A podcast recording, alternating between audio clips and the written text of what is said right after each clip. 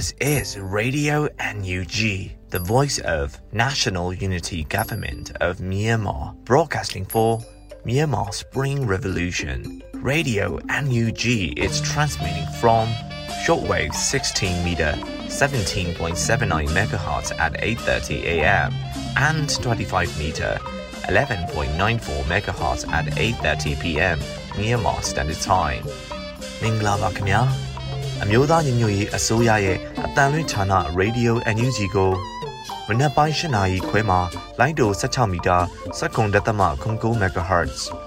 ညပိုင်း၈နာရီခွဲမှာလိုင်းတို25မီတာ17တက်မ6 MHz တို့မှာဓာတ်ရိုက်ဖမ်းယူနိုင်နိုင်ပါပြီမင်္ဂလာအပေါင်းနဲ့ပြည့်စုံကြပါစေအခုချိန်ကစပြီး Radio NUG အစီအစဉ်တွေကိုဓာတ်ရိုက်အတန်လွှင့်ပေးနေပါပြီ။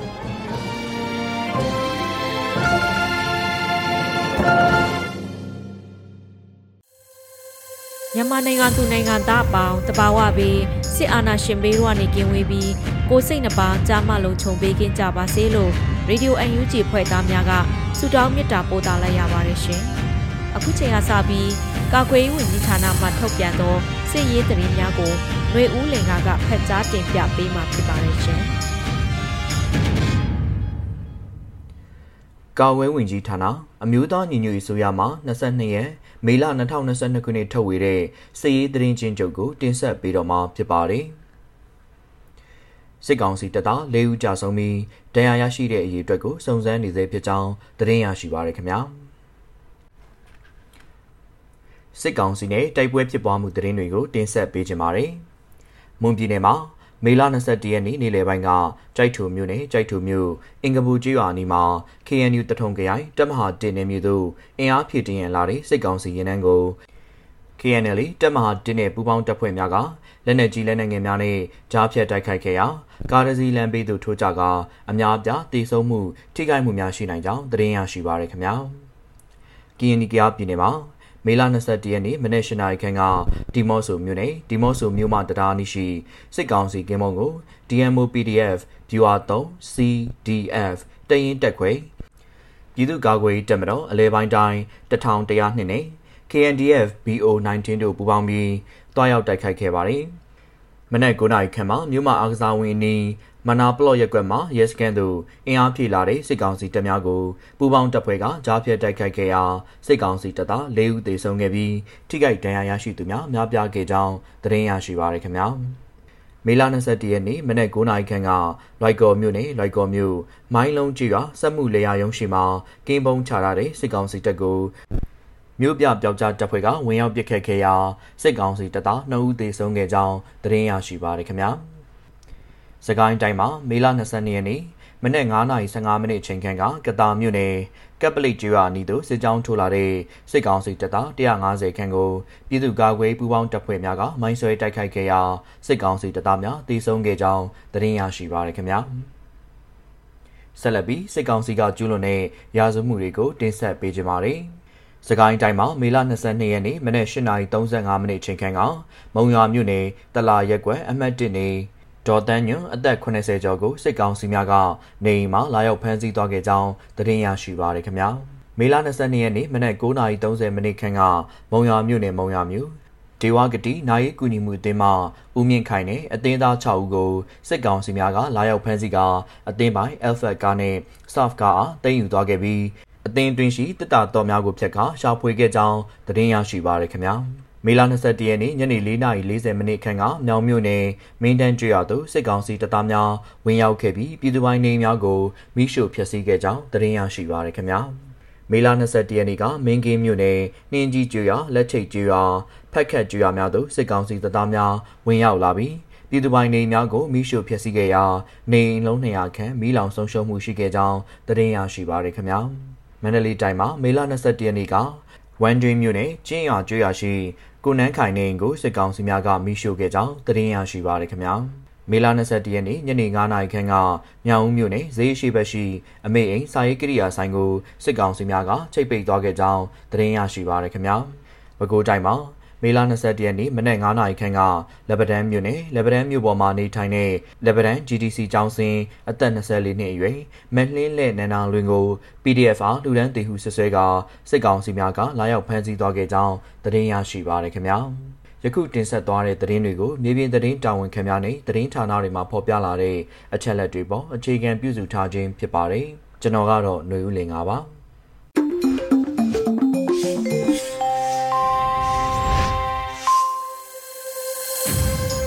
ဆက်လက်ပြီး Radio UNG ရဲ့နောက်ဆုံးရသတင်းများကိုရန်နိုင်ကတင်ဆက်ပေးမှာဖြစ်ပါတယ်ရှင်။မင်္ဂလာပါခင်ဗျာ။ခုချိန်အစပြီး Radio UNG မနက်ပိုင်းပြည်သတင်းသတင်းများကိုကျွန်တော်ရန်နိုင်ကတင်ဆက်ပေးပါတော့မယ်။အခုတင်ဆက်ပေးမယ့်သတင်းများကိုတော့ Radio UNG သတင်းတာဝန်ခံတွေနဲ့ခိုင်လုံတဲ့မိဘသတင်းရင်းမြစ်တွေကအခြေခံထားတာပဲဖြစ်ပါတယ်။ပထမဦးစွာဒီနှစ်မိုးထဲမှာပဲအကြမ်းဖက်စစ်အုပ်စုလက်မြောက်အရှုံးပေးရမယ်လို့တရားရေးဝန်ကြီးပြောကြားတဲ့သတင်းကိုတင်ဆက်ပေးပါမယ်။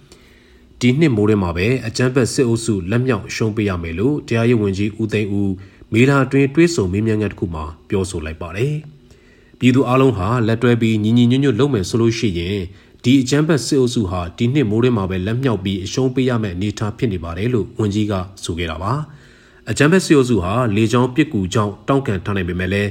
တက်တွင်းဖျို့ဖျက်ဖြစ်နေပြီလို့ပြည်ထောင်စုဝန်ကြီးဦးသိန်းဦးကဆိုပါတယ်။ ပြည်သူ့ခုခံစစ်တော်လန်ဆင်နွှဲမှုရှစ်လတာကာလအတွင်းစစ်ကောင်စီတပ်ဖွဲ့ဝင်16992ဦးသေဆုံးခဲ့တယ်လို့မေလ19ရက်နေ့မှာအမျိုးသားညီညွတ်ရေးအစိုးရပြည်ထောင်စုနဲ့လူဝင်မှုကြီးကြပ်ရေးဝန်ကြီးဌာနကထုတ်ပြန်ခဲ့ပါတယ်ခင်ဗျာဂျားကာလာဒေတန်ဒရပြည်သူ့အုပ်ချုပ်ရေးဖော်ဆောင်မှုဘိုးကော်မတီနဲ့စကိုင်းတိုင်းဒေသကြီးလွှတ်တော်ကိုစားပြုကော်မတီဝင်များတွဲဆုံတဲ့တဲ့ရင်ကိုတင်ဆက်ပေးပါမယ်အမျိုးသားညီညွတ်ရေးအစိုးရ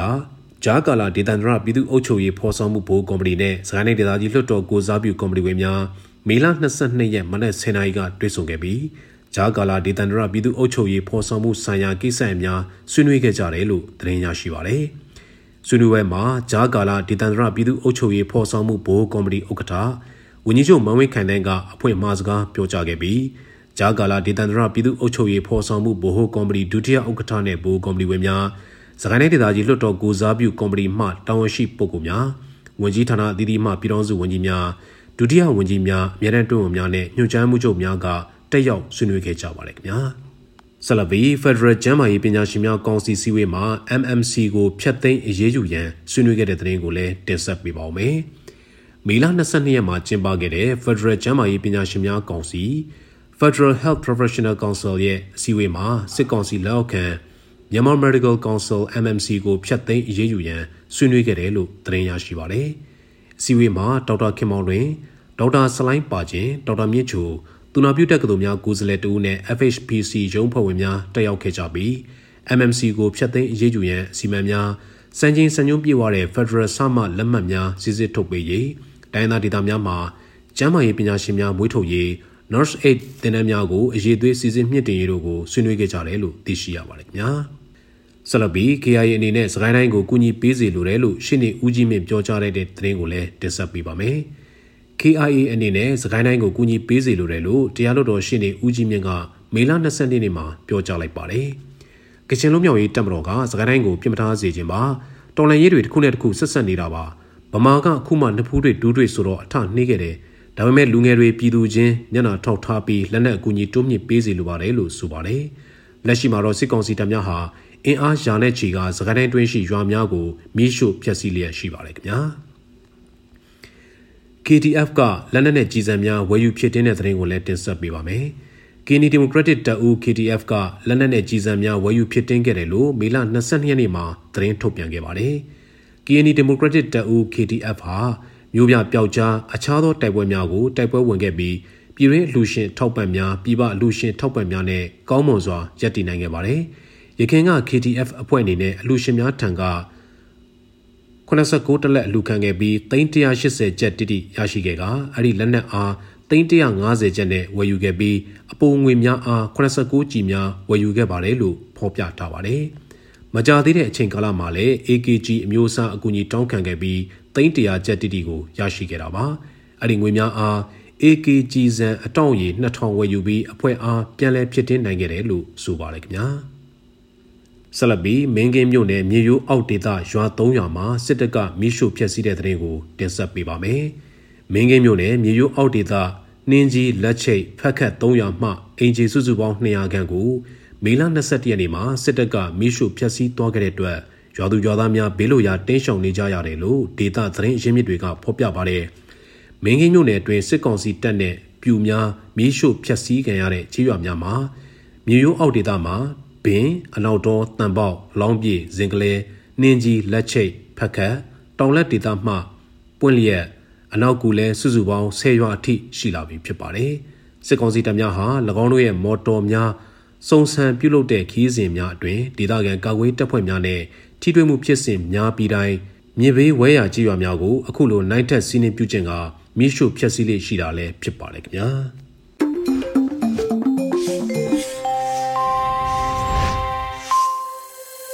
ရေဒီယိုအန်ယူဂျီမှာဆက်လက်တမ်းလှည့်နေပါတယ်။ဆက်လက်ပြီးပြည်သူခုခံစစ်တရင်များကိုကျော်နွယ်ဦးကတင်ပြပေးပါမယ်ရှင်။မြန်မာနိုင်ငံသူနိုင်ငံသားအပေါင်းစစ်ရောကိုပါလုံခြုံငြိမ်းချမ်းကြပါစေကြောင်း PVTV အဖွဲ့သားများကဆုတောင်းမေတ္တာပို့သလိုက်ရပါတယ်။အခုအချိန်ကစပြီးတိုင်းရင်းသားညီနောင်အင်အားစုတွေပြည်သူ့ကာကွယ်တပ်မတော် PDF တပ်သားတွေနဲ့ပြည်သူလူထုတို့ရဲ့အရှိန်အဟုန်မြင့်လာတဲ့တိုက်ပွဲသတင်းတွေကိုစူးစီးတင်ဆက်ပေးသွားမှာဖြစ်ပါတယ်။ကျွန်တော်ကျော်နေဦးပါ။ ပထမဆုံးအနေနဲ့ရှမ်းကရနယ်ဆက်ဖဲခုံမြို့နယ်စီမီလော့ရွာအနီးစခန်းချထားတဲ့စစ်တပ်၄နှစ်နှစ်တပ်ရင်းကို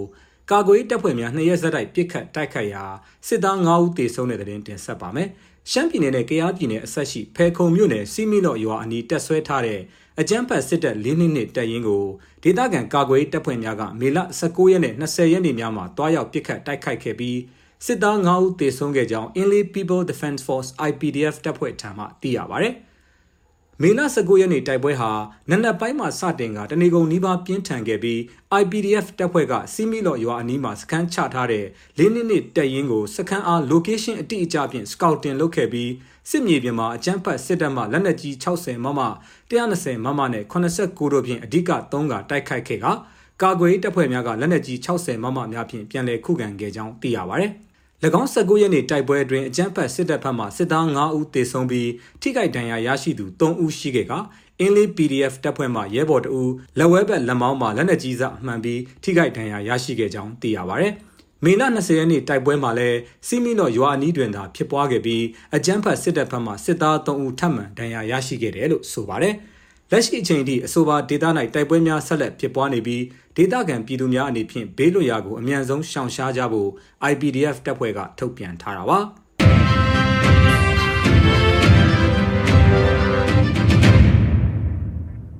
ဆက်လက်ပြီးဒီမော့ဆိုမှာတိုက်ပွဲနှစ်ကြိမ်ဖြစ်ပွားပြီးစစ်သား၄ဦးသေဆုံးတဲ့တဲ့တင်ဆက်ပါမယ်။ကယားပြည်နယ်ဒီမော့ဆိုမြို့နယ်မှာ မေလ20ရက်နေ့၌ဒေသခံကာကွယ်တပ်ဖွဲ့များနဲ့အကြမ်းဖက်စစ်တပ်တို့တိုက်ပွဲနှစ်ကြိမ်ဖြစ်ပွားခဲ့ပြီးစစ်သား၄ဦးသေဆုံးခဲ့ကြောင်း DMO PDF တပ်ဖွဲ့ထံမှသိရပါဗျ။ပထမအကြိမ်ထိတွေ့တိုက်ပွဲဟာမေလ22ရက်နေ့နနက်8နာရီခန့်မှာဖြစ်ပွားခဲ့ပြီးဒီမော့ဆိုမြို့မတရားရှိအကြမ်းဖက်စစ်တပ်ကင်းဘုံတစ်ခုကိုဒေသခံကာကွယ်တပ်ဖွဲ့များကတွားရောက်တိုက်ခိုက်ခဲ့ခြင်းဖြစ်ကြောင်းသိရတာပါ။ ဒုတိယကြိမ်ထိတွေ့တိုက်ပွဲဟာမေလ22ရက်နေ့နနက်9:00နာရီခန့်မှာဖြစ်ပွားခဲ့ပြီးဒီမော့ဆိုမြို့နယ်မြို့မအားကစားကွင်းအနီးတွင်မနာပလော့ရက်ကွက်မှရဲစခန်းသို့အင်အားဖြည့်တင်းရန်လာတဲ့အကြမ်းဖက်စစ်တပ်ကိုကြားဖြတ်တိုက်ခိုက်ခဲ့ခြင်းဖြစ်ပါတယ်။အဆိုပါထိတွေ့တိုက်ပွဲနှစ်ကြိမ်အတွင်းအကြမ်းဖက်စစ်တပ်ဘက်မှစစ်သား၄ဦးသေဆုံးခဲ့ပြီးထိခိုက်ဒဏ်ရာရရှိမှုများလည်းရှိကြောင်းသိရပါတ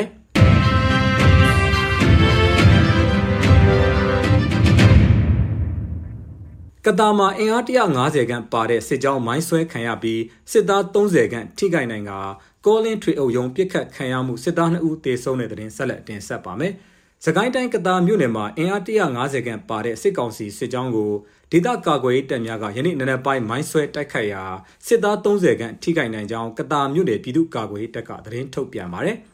မေလ22ရက်နေ့နနက်9:15မိနစ်အချိန်မှာကတာမြို့ပေကုန်းမှကပ်ပလိတ်ကြီးရွာသို့ခြိတက်လာတဲ့အင်အား150ခန့်ပါစစ်တပ်စစ်ကြောင်းကိုကပ်ပလိတ်မှကတာမြို့သို့တွားရာတာယိုးပြည်လမ်းမရှိလမ်းပေါ်တွင်ကတာမြို့နယ်ပကဖနဲ့ ABSDF ပူးပေါင်းတပ်များကရှေ့ထွက်မိုင်းနှလုံးဖြင့်တိုက်ခိုက်ကြောင်းစစ်ကောင်စီတပ်ဖွဲ့ဝင်30ခန့်ထိခိုက်သွားပြီးစစ်ကြောင်းမှာဆက်လက်ခြိတက်နိုင်ခြင်းမရှိတော့ဘဲရပ်တန့်နေကြောင်းသိရှိရပါတယ်။ အလားတူယမနေ့မေလ22ရက်နေ့နေ့လယ်ပိုင်းစကိုင်းတိုင်းကောလင်းမြို့ပေါ်ထွေအုပ်ရုံးမှာတက်ဆွဲထားတဲ့စစ်ကောင်စီတပ်ဖွဲ့ဝင်များကိုပြစ်ခတ်တိုက်ခိုက်မှုတရက်ဖြစ်ပွားခဲ့ပြီးအပြန်အလှန်ပြစ်ခတ်မှုဖြစ်ပွားကစစ်သား2ဦးသေဆုံးပြီးပွဲချင်းပြီးသေဆုံးသူများရှိကြောင်းယနေ့နံနက်ပိုင်းမှာကောလင်းအရှိတ်ဘက်သို့စစ်ကောင်စီစစ်ကြောင်းများခြိတက်လာကြောင်းကောလင်းသတင်းရင်းမြစ်ကသတင်းထုတ်ပြန်ထားပါတယ်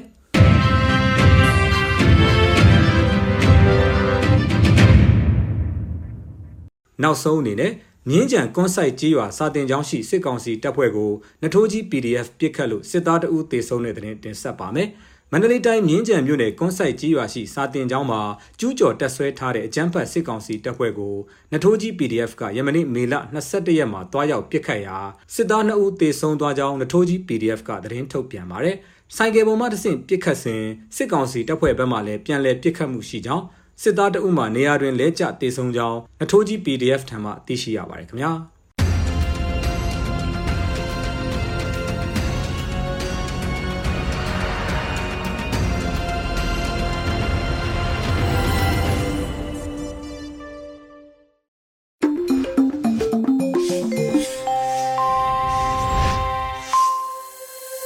ယခုဆက်လက်ပြီး PPTV ရဲ့နေ့စဉ်သတင်းများကိုမေတူးကတင်ပြပေးမှာဖြစ်ပါတယ်ရှင်။ပထမအဆုံးတင်ဆက်ပေးမှာကတော့ဂျာကာလဒေသန္တရပြည်သူ့အုပ်ချုပ်ရေးဖော်ဆောင်မှုဗဟိုကော်မတီနဲ့ရန်ကုန်တိုင်းဒေသကြီးလွှတ်တော်ကိုစားပြုကော်မတီဝင်တွေတွေ့ဆုံဆွေးနွေးမှုပြုလုပ်ခဲ့တဲ့ဆိုတဲ့သတင်းပါ။အမျိုးသားညီညွတ်ရေးအစိုးရဂျာကာလာဒေသန္တရပြည်သူ့အုပ်ချုပ်ရေးဖော်ဆောင်မှုဗဟိုကော်မတီနဲ့ရန်ကုန်တိုင်းဒေသကြီးလွှတ်တော်ကိုစားပြုကော်မတီဝင်တွေတွေ့ဆုံဆွေးနွေးမှုကိုမေလ22ရက်နနက်10:00နာရီမှာပြုလုပ်ခဲ့ကြပါတယ်။ တွေ့ဆုံပွဲမှာဗဟိုကော်မတီဒုတိယဥက္ကဋ္ဌဖြစ်တဲ့ပြည်ထရေးနဲ့လူဝင်မှုကြီးကြပ်ရေးဝန်ကြီးဌာနပြည်ထောင်စုဝန်ကြီးဦးလွင်ကိုလက်ကအမှားစကားပြောကြားပြီးတော့ဂျာကာလာဒေသန္တရပြည်သူ့အုပ်ချုပ်ရေးဖော်ဆောင်မှုဆိုင်ရာကိစ္စရပ်တွေကိုနှစ်ဖက်ဆွေးနွေးခဲ့ကြပါတယ်။အဆိုပါတွေ့ဆုံမှုကိုဂျာကာလဒေသန္တရပြည်သူ့အုပ်ချုပ်ရေးဖော်ဆောင်မှုဗဟိုကော်မတီဒုတိယဥက္ကဋ္ဌဗဟိုကော်မတီဝင်များရန်ကုန်တိုင်းဒေသကြီးလွှတ်တော်ကိုစားပြုကော်မတီမှတာဝန်ရှိပုဂ္ဂိုလ်များ ဝင်ကြီးဌာနအသီးသီးမှပြည်အောင်စုဝင်ကြီးများဒုတိယဝင်ကြီးများအမြဲတမ်းတွင်းဝင်များနဲ့ညွှန်ကြားရေးမှူးချုပ်များတက်ရောက်ဆွေးနွေးခဲ့ကြပါတယ်ရှင်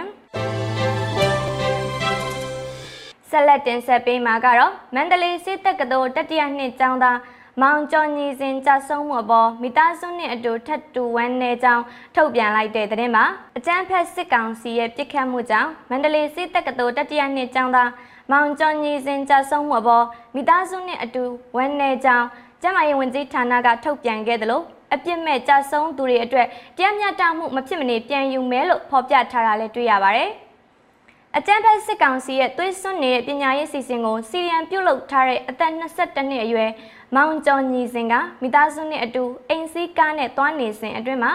မန္တလေးမုံရွာကက်လက်မပေါ်ရှိမြင်းမုံမြို့နယ်မှာအကြမ်းဖက်စစ်တပ်ရဲ့အကြောင်းမဲ့ လူစိတ်ကင်းမဲ့စွာနဲ့ပြစ်ခတ်မှုကြောင့်ဦးကောင်းကိုကြည်ထိမှန်ပြီးကြာဆုံးခဲ့ရတာဖြစ်ပါတယ်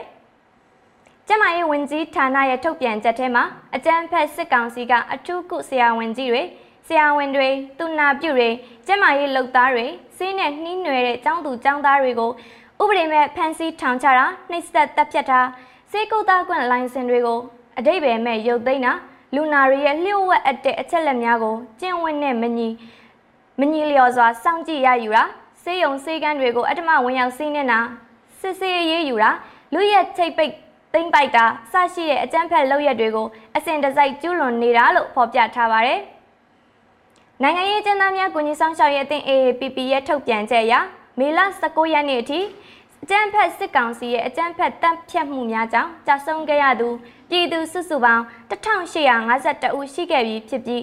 အမှန်တကယ်ကြာဆုံးသူတွေမှာအဆိုပါရေးအတွက်ထက်ပိုများနိုင်တယ်လို့ဆိုထားပါတယ်။အမျိုးသားညီညွတ်ရေးအစိုးရကျန်းမာရေးဝန်ကြီးဌာနအနေနဲ့ပြည်သူများအတွက်တရားမျှတမှုကိုမဖြစ်မနေပြန်လည်ရယူပေးရမှာဖြစ်ပြီးအကြမ်းဖက်စစ်ကောင်စီနဲ့အတူအကြမ်းဖက်လုပ်ရက်တွေမှာပါဝင်ခဲ့သူတွေအလုံးကိုပြည်သူတရားဥပဒေနဲ့အညီပြင်းထန်ထိရောက်စွာစီရင်မှာဖြစ်တယ်လို့ဖော်ပြထားတာတွေ့ရပါတယ်ရှင်။ အခုတင်ဆက်ပေးမှာကတော့အမျိုးသားညီညွတ်ရေးအစိုးရရုံးခွဲတွေကိုနိုင်ငံခုနှစ်နိုင်ငံအထိဖွင့်လှစ်ထားတဲ့ဆိုတဲ့သတင်းမှာအမျိုးသားညီညွတ်ရေးအစိုးရအနေနဲ့နိုင်ငံတကာမှာတန်တမန်ရေးရာကဏ္ဍတိုးမြင့်ဆောင်ရွက်လျက်ရှိရာလက်ရှိအချိန်မှာတော့ကိုယ်စားလှယ်ရုံးခွဲတွေကိုနိုင်ငံခုနှစ်နိုင်ငံအထိဖွင့်လှစ်ထားနိုင်ပြီဖြစ်ပါတယ်။ဖွင့်လှစ်ထားတဲ့နိုင်ငံတွေကပြင်သစ်နိုင်ငံချက်ပြည်သူသမ္မတနိုင်ငံဗြိတိန်နိုင်ငံနော်ဝေနိုင်ငံတောင်ကိုရီးယားနိုင်ငံ ဂျပန်နိုင်ငံနဲ့ဩစတြေးလျနိုင်ငံတွေပါဩစတြေးလျနိုင်ငံမှာဆိုရင်ကိုယ်စားလှယ်အဖြစ်ဒေါက်တာထွန်းအောင်ရွှေချက်ပြည်သူသမ္မတနိုင်ငံမှာဆိုရင်ကိုယ်စားလှယ်အဖြစ်ဦးလင်းတန်နော်ဝေနိုင်ငံမှာဆိုရင်ကိုယ်စားလှယ်အဖြစ်ဦးမောင်မောင်မြင့်ကိုရီးယားပြည်သူသမ္မတနိုင်ငံမှာဆိုရင်ကိုယ်စားလှယ်အဖြစ်ဦးရန်နိုင်ထွန်းပြည်ထိုင်နိုင်ငံမှာဆိုရင်ကိုယ်စားလှယ်အဖြစ်ဦးမောင်မောင်အောင်နဲ့ဒေါက်တာတက်ကိုကိုဂျပန်နိုင်ငံမှာဆိုရင်ကိုယ်စားလှယ်အဖြစ်စောပါလာသိန်း ပြင်သစ်နိုင်ငံမှာဆိုရင်ကိုယ်စားလှယ်အဖြစ်နန်းစုမွန်အောင်တို့ကတာဝန်ယူဆောင်ရွက်နေကြတာဖြစ်တယ်လို့နိုင်ငံခြားရေးဝန်ကြီးဌာနကသိရပါတယ်ရှင်။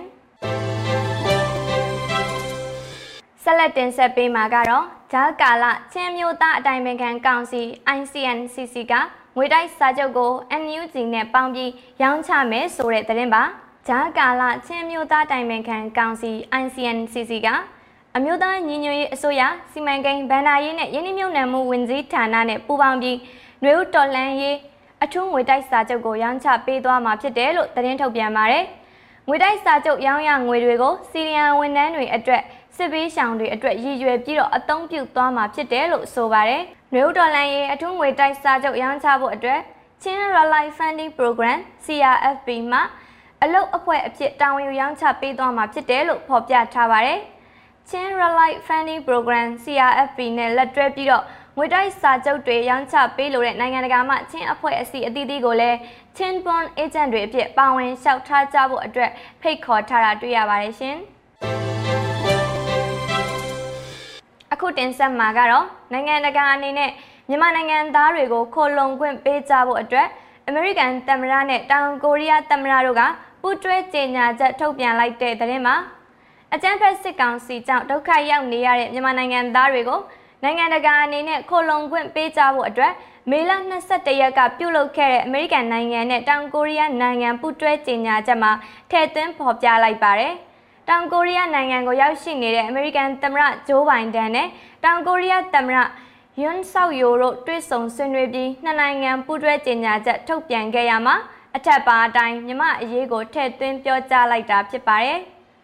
မြန်မာနိုင်ငံသားတွေကိုခေါ်လုံခွင့်ပေးဖို့အတွက်အပြင်အကြမ်းဖက်စစ်ကောင်စီကိုလက်နက်မယောင်းချရေးအတွက်တားမြစ်မှုတွေပြုလုပ်ဖို့ကိုလည်းထုတ်ပြန်ချက်ထဲမှာထည့်သွင်းဖော်ပြထားတာတွေ့ရပါတယ်။ဒါအပြင်သမရနှစ်ဦးလုံးကပြည်သူတွေကိုရရဆက်ဆက်တပ်ဖြတ်နေတဲ့အကြမ်းဖက်စစ်ကောင်စီကိုလည်းပြက်ပြက်သားသားရှုံချရဲဆိုပြီးပြောကြားခဲ့သလိုအကြမ်းဖက်စစ်ကောင်စီအနေနဲ့ဖမ်းဆီးထားသူတွေချက်ချင်းပြန်လွှတ်ပေးရေး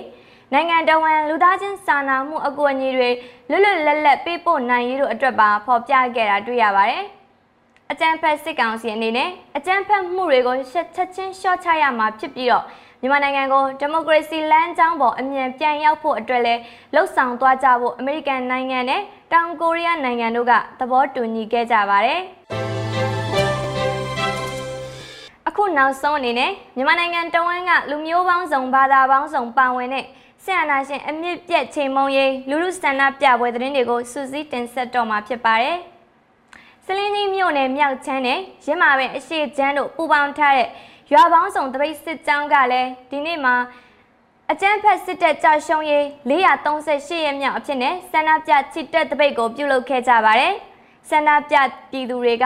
please sanction emoji ဆိုတဲ့စာသားကိုကန်ဆွဲပြီးအကြမ်းဖက်စစ်တပ်ကြာရှုံးရေးဟစ်ကြွေးတန်တွေနဲ့ချီတက်လက်လဲခဲ့ကြတာဖြစ်ပါတယ်။စကိုင်းတိုင်းရှိဖို့မြို့နယ်ရဲ့ကျေးရွာတရွာကပြည်သူတွေကလည်းအကြမ်းဖက်စစ်ကောင်စီထံကိုစီစဉ်နေတဲ့သွေးစွန်းငွေစီစဉ်မှုရက်ကြံရေးဆန္ဒပြပွဲလှုပ်ရှားမှုတွေပြုလုပ်ခဲ့ကြပါတယ်။ဆန္ဒပြလှုပ်ရှားမှုမှာပါဝင်ခဲ့ကြတဲ့ပြည်သူတွေကသွေးစွန်းငွေစီစဉ်မှုအခုရက် free payment to gender ဆိုတဲ့စာသားတွေကိုကင်ဆောင်ပြီးတော့ဆန္ဒပြခဲ့ကြတာဖြစ်ပါတယ်။တောင်ကိုရီးယားနိုင်ငံရဲ့မြို့တွေဖြစ်တဲ့ဒေဂူးမြို့၊ဂူမီမြို့နဲ့ချန်ဝမ်မြို့တွေမှာအကြမ်းဖက်ဆန္ဒရှင်ကြရှုံးရေးဆန္ဒပြတပိတ်ကိုဒီကနေ့မှပြုလုပ်ခဲ့ကြပါတယ်။ဆန္ဒပြပွဲကိုဒေဂူးဆရာတော်နဲ့အရှင်ထာဝရနော်ဝေတို့ကဥဆောင်ပြုလုပ်ခဲ့တာဖြစ်ပြီးတော့ဆန္ဒသိမ့်မှုကိုအလုံးမရှိဘူးဆိုတာတွေ မြန်မာပြည်သူတွေအတွက်ဆူတောင်းတာတွေနှွေးတော်လိုင်းရေးကူညီထောက်ပံ့ရန်ရန်ပုံငွေများရရှိစေရေးတို့ကိုပြုလုပ်ခဲ့ကြပါတယ်။ American ပြည်ထောင်စု Chevron ရင်းနှံချက်ဆက်ယုံရှိမှာမြန်မာရေးတက်ကြွလှုပ်ရှားသူတွေကို Chevron အနေနဲ့အကြမ်းဖက်စစ်ကောင်စီကိုအခွန်ငွေမပေးရေးစဆန္ဒပြတောင်းဆိုမှုတွေကိုဒီနေ့မှာပြုလုပ်ခဲ့ကြပါတယ်ဆန္ဒပြလှုပ်ရှားသူတွေက Free Free Free Burma MODE ကိုပိတ်ဆို့အရေးယူရေးလို့ဆန္ဒပြဟစ်ကြွေးခဲ့ကြပြီးတော့အကြမ်းဖက်စစ်ကောင်စီရဲ့ရေနံနဲ့တဘာဝတန်းငွေလုပ်ငန်း MODE ကိုပိတ်ဆို့အရေးယူပေးဖို့အတွက်တောင်းဆိုခဲ့ကြပါတယ်။ဒါကတော့မေလ22ရက်နေ့သတင်းတွေနဲ့လူလူဆန္ဒပြပွဲသတင်းတွေကိုစူးစီးတင်ဆက်ပေးခဲ့တာဖြစ်ပါတယ်။ကျေးဇူးတင်ပါတယ်ရှင်။။